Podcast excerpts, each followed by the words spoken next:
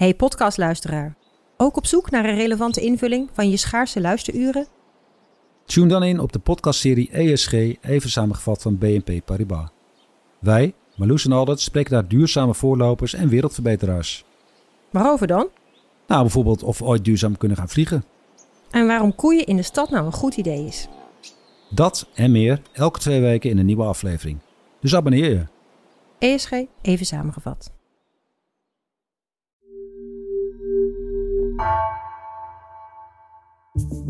Vanaf de redactie van NRC het verhaal van vandaag. Mijn naam is Floor Boon.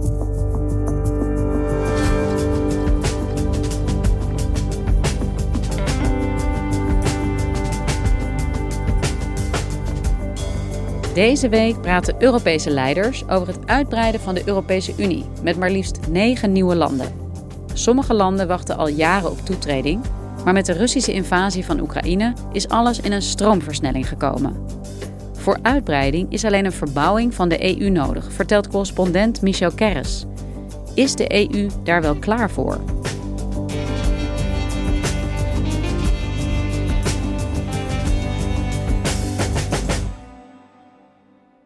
Ми звертаємось до Європейського Союзу щодо невідкладного приєднання України за новою спеціальною процедурою. Vrijwel onmiddellijk na de inval van Rusland in Oekraïne in februari 2022 heeft president Zelensky tegen de Europese Unie gezegd: wij willen lid worden. Oekraïne was al een hele tijd bezig om dichter naar de Unie toe te schuiven, maar de inval was voor Zelensky het moment te zeggen: nu moeten jullie ons toelaten. Я впевнений, що це справедливо. Я впевнений, що ми на це заслужили. Я впевнений, що все це можливо. De Unie geeft niet onmiddellijk antwoord, maar voor Brusselse doen wel vrij snel. En na een paar maanden eh, is de Unie ook zover om Oekraïne plus het kleine buurland Moldavië de formele status kandidaat lid te geven. Vote is closed. And it is overwhelmingly adopted. En dat is eigenlijk een hele bijzondere stap. Want normaal gesproken duren dit soort voorbereidingen op lidmaatschap echt heel erg veel langer. Maar nu onder druk van de oorlog begon dingen vloeibaar te worden. En met dat besluit kwamen dus twee landen plotseling in de wachtkamer van de Europese Unie binnen. Maar wat iedereen een beetje vergeten was, daar zaten al zes landen, namelijk de landen van de westelijke Balkan, die al sinds 2003 proberen om lid te worden. En dat om uiteenlopende redenen maar niet voor elkaar krijgen. Dus die dachten van, hey, hey, deze nieuwkomers mogen niet voorkruipen. I know it sounds a bit dark, but uh, you know. En ze maken daar altijd uh, tamelijk cynische grappen over uh, op de Balkan. Zoals uh, Edi Rama, dat is de premier van Albanië, een van de landen die al lang probeert lid te worden. Onlangs op een congres. En die zei eigenlijk in de essentie: we kunnen misschien het beste een conflict beginnen op de Balkan. En dat kunnen we op de Balkan echt best zelf organiseren. Daar zijn we heel goed in. I was looking and I was saying, okay, who should attack who in this panel to get the membership faster with Ukraine? Croatia can easily attack Serbia. Serbia can easily attack Kosovo. Bosnia can attack itself, no problem. Want dat is eigenlijk een hele goede manier om voorrang te krijgen in de Europese Unie. And so we can be all ready to join the train with Ukraine. Ja, dus hij maakt een grapje, maar tegelijkertijd voelen deze landen zich misschien ook wel een klein beetje aan het lijntje gehouden. Ja, kijk, ze voelen zich altijd al aan het lijntje gehouden. En dat hele proces sleepte eigenlijk maar voor. Er werd voortdurend over vergaderd, er werden rapporten over geschreven, maar er gebeurde in de essentie niks. En nu plotseling, onder druk van die nieuwkomers, denken die Balkanlanden, ja maar wacht even, wij gaan wel mee. En daarmee staat Europa dus plotseling voor een enorme uitdaging. De oorlog heeft uh, Europa gedwongen om na te denken over uitbreiding. Dus Europa moet onder druk van de oorlog een handvol landen binnenlaten. En heeft zich tegelijkertijd bedacht, maar wacht even, kunnen wij dat wel aan? Kunnen wij wel vijf tot acht landen binnenlaten in de komende jaren? Of wordt de Europese Unie dan een onwerkbaar geheel? En daar wordt deze week voor het eerst in Granada over vergaderd om te kijken van wat is er nou nodig om de Europese Unie te verbouwen, zodat die in dit nieuwe Europa, hè, met een vijandig Rusland aan de grens, eh, toekomstbestendig wordt. Michel, je schetst eigenlijk heel mooi dat er landen in de wachtkamer zitten om toe te treden tot de Europese Unie. Heel even naar de basis en voor de helderheid. Hoe ziet de EU er op dit moment precies uit? Nou ja, de EU bestaat nu uit uh, 27 landen. Hè. Tot voor kort waren het er 28. Toen is het Verenigd Koninkrijk is, uh, vertrokken in de brexit van 2016. En die 27 landen werken samen voor hun eigen uh, vrede en veiligheid. En waren eigenlijk heel lang naar binnen gericht en keken hoe zij het beste de zaken onderling konden regelen. En nu plotseling met de oprukkende macht van China, de oorlog en de agressie van Rusland, is het ook heel duidelijk dat de Unie een organisatie is van landen die bij elkaar horen, die elkaar ondersteunen. Een organisatie die voor vrede, rust en stabiliteit op het continent zorgt. Dus daarom dat nu heel veel landen uh, proberen binnen te komen. Tel maar mee, het is Oekraïne en Moldavië. Daarbij wil eigenlijk Georgië ook graag aansluiten, maar die zijn nog niet zover, maar misschien op een langere termijn ook. En dan hebben we de landen van de uh, Balkan, Bosnië-Herzegovina, Servië, Albanië, Noord-Macedonië, Kosovo. Van de landen waar het oorspronkelijk mee begonnen is eigenlijk alleen Kroatië er tot nu toe in geslaagd om binnen te komen. Today is an historic day for Croatia. Nearly nine years since you applied for membership After six years of negotiations, the accession treaty of Croatia to the European Union is ready for signature. En hoe word je als land precies lid van de Europese Unie? Wat moet je daarvoor doen? Nou ja, dat is een lang en tamelijk uh, ingewikkeld proces. De gemiddelde toetredingstijd, als je over alle toetredingsgolven kijkt, is vijf jaar. En dat geeft wel aan dat je enorm veel moet doen. In essentie moet je een kopie worden van een EU-lidstaat. En dat betekent, je moet een stabiele democratie hebben. Je moet een goed functionerende rechtsstaat hebben. Denk onafhankelijke rechters. Je moet laten zien dat je mensenrechten eerbiedigt. Daarnaast moet je een goed draaiende markteconomie hebben. Eh, die opgewassen is tegen de concurrentie van de Europese Unie. En je moet de enorme hoeveelheden wetten en regels die de Europese Unie heeft overnemen. Ja, want als we dat heel even proberen te doordenken.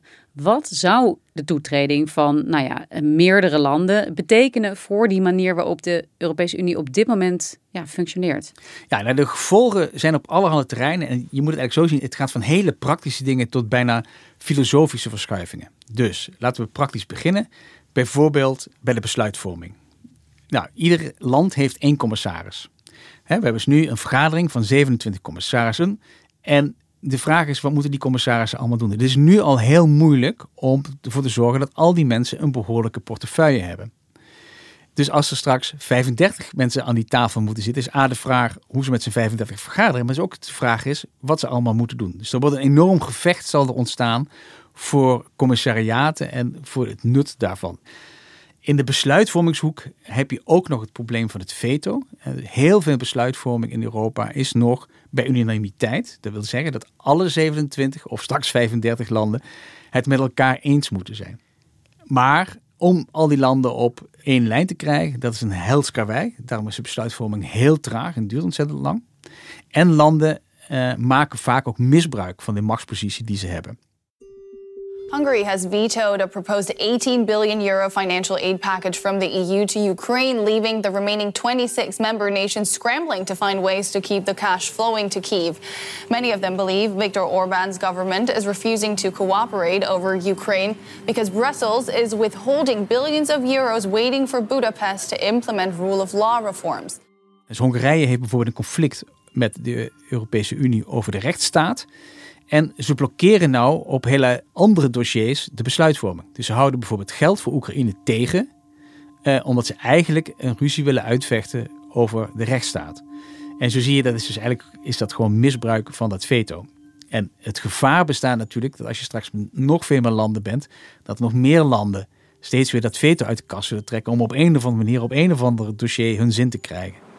I don't know what is the personal reason for the Dutch Prime Minister to hate me or Hungary, but he is attacking so harshly and making very clear that because Hungary, in his opinion, does not respect the rule of law, must be punished financially.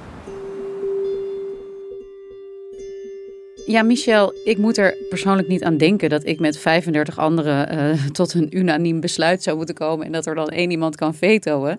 Uh, maar goed, even als we even voorbij die uh, besluitvorming kijken. De Europese Unie draait voor een groot deel ook over geld. Absoluut. Um, ja, hoe zit het daarmee als er ineens een enorme uitbreiding zou komen? Geld is natuurlijk altijd en overal een heet hangijzer en dus ook in Brussel.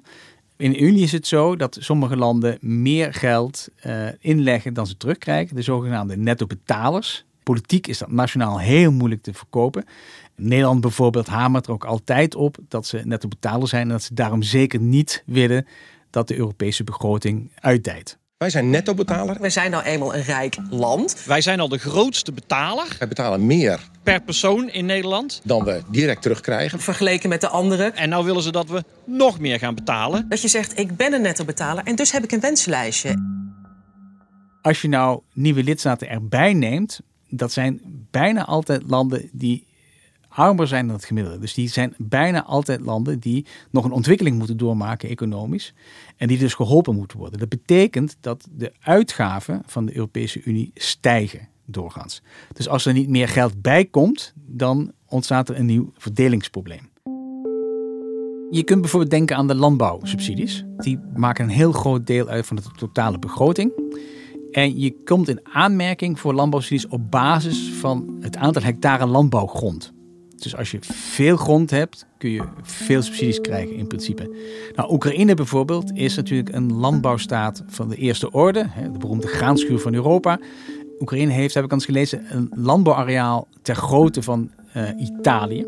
Dus je begrijpt dat zij dus een enorme claim als het ware op die begroting kunnen doen. Dat betekent dat als die begroting niet groter wordt, als die pot niet groter wordt, alle andere boeren in Europa dus in principe minder krijgen. En minder geld geven aan boeren is, zoals je kunt voorstellen, een heikel politiek probleem. Ja, en iets anders, Michel, waar ik aan denk. Hè, want even naast een soort besluitvorming en, en financiële obstakels die er kunnen ontstaan, is dat ook bijvoorbeeld de kaart van Europa er heel anders uit zou gaan zien met zoveel extra landen. Ja, dat is heel moeilijk in te schatten wat dat precies gaat betekenen. Als je de kaarten ziet, dan zie je dat als het ware het centrum van Europa oostwaarts schuift. Dus nu is Brussel en Straatsburg zijn hele logische uh, Brusselse hoofdsteden. Die lagen natuurlijk heel mooi ingepakt in de oorspronkelijke kaart van zes Europese lidstaten, beste Europese lidstaten. Dadelijk zul je zien dat Brussel helemaal aan de kant ligt. Dat een land als Nederland, een van de eerste zes, plotseling aan de periferie ligt. Terwijl het centrum is eerder Berlijn of Warschau.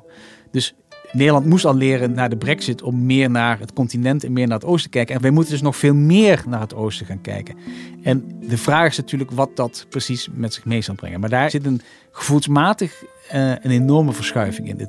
De Unie wordt, als je naar de kaart kijkt, echt een heel ander ding. En Michel, ja, als je het zo allemaal opsomt, dan is het een behoorlijke uitdaging voor de EU om uh, met een flink aantal landen uit te breiden. Als we heel even naar de kern van die EU zelf gaan, wat zou het belang van de Unie zijn om te groeien, om groter te worden? Nou, groter te worden op zich is misschien niet het belang, maar het gaat er natuurlijk om dat je je verhoudt tot de omgeving waarin je zit als Europese Unie. En eigenlijk wat nu, dus de hele uitbreidingsdiscussie nu speelt, is eigenlijk de opgave die, waar Poetin ons voor gesteld heeft, om de oostflank van Europa, van de Europese Unie, om die te stabiliseren. Om te zorgen dat daar rust, welvaart en democratie zal komen. En dat is van belang om uh, Poetin tegen te houden. En het is ook van belang als signaal naar bijvoorbeeld China. Want er zijn natuurlijk heel veel landen die eh, aan die grens van de Europese Unie zaten. Denk aan de Balkan. Die maar wat graag in zee gingen met Rusland of met China als het ging eh, om geld of infrastructuurprojecten. En die die landen daar makkelijk uh, een voedende grond lieten komen. Chinese President Xi Jinping arrived in Serbia on June 17th for a three-day visit seen by many as a watershed moment for China's relations with the Balkan country. Je ziet bijvoorbeeld heel duidelijk in Servië dat Servië daar ook een beetje mee speelt. En zegt van oké, als wij van de Unie niet uh, voldoende hulp krijgen, dan gaan we wel uh, praten met China of met Rusland. It is the first visit to Belgrade by a Chinese leader for more than 30 years. And it comes as China has been sharply increasing its investment and influence in the Balkans. En je ziet dus dat die landen in dat soort staten dus ook, ook uh, meer invloed kregen de afgelopen jaren. En dat is een belang eh, van de Unie om te proberen dat tegen te gaan. En deze week wordt er dus over gesproken in het Spaanse Granada. Welke stap wordt daar precies gezet in het proces? Nou, dit is eigenlijk de eerste keer dat ze met z'n 27 daar openlijk en officieel uh, over spreken. Misschien kun je het zien als een soort van het, het eerste gesprek met de architect uh, over de enorme verbouwing uh, die aanstaande is en die noodzakelijk is. Het is ook een beetje aftasten hoe snel die verbouwing zal moeten verlopen. Je, je kunt je natuurlijk voorstellen dat het probleem is heel groot als je acht landen in één keer op één dag in een soort van Big Bang moet omarmen voor alle eh, projecten van de Europese Unie. Je kunt je ook voorstellen dat je dat op een of andere manier gaat faseren. Dus dat die landen stapsgewijs binnenkomen. Dus daarmee wordt het een beetje uitgerekt, het proces, in de tijd. En daarmee wordt het ook een beetje beheersbaarder. En als we het nou even concreet proberen te maken, Michel, wat kan nou de grootste opbrengst zijn van deze Europese top? Nou, voor de toetredende landen is het heel belangrijk dat zij het signaal krijgen: A, wij nemen de toetreding serieus en daarom gaan wij ook serieus ons zelf als Europese Unie voorbereiden. Concreet aan maatregelen zal er nog niet heel veel komen, maar je moet het wel zien als een soort van uh, ja, een historisch moment om een nieuw proces voor de Europese Unie uh, van start te laten gaan. Alle uitbreidingen uh, in het verleden hebben geleid tot vergaande verbouwingen en dat moet nu ook. En als ze de kans verprutsen, dan zit je straks met een Unie die niet meer functioneert en dat wil eigenlijk niemand. Dankjewel, Michel. Graag gedaan.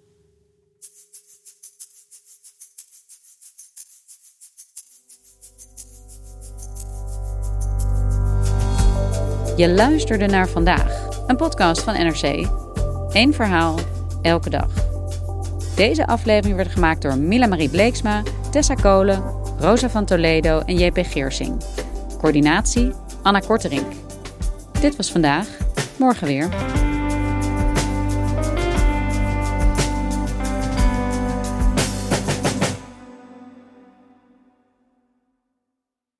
Technologie lijkt tegenwoordig het antwoord op iedere uitdaging. Bij PwC zien we dit anders. Als we de potentie van technologie willen benutten, kunnen we niet zonder een menselijk perspectief. Human-led, tech-powered noemen we dat. Ga naar pwc.nl.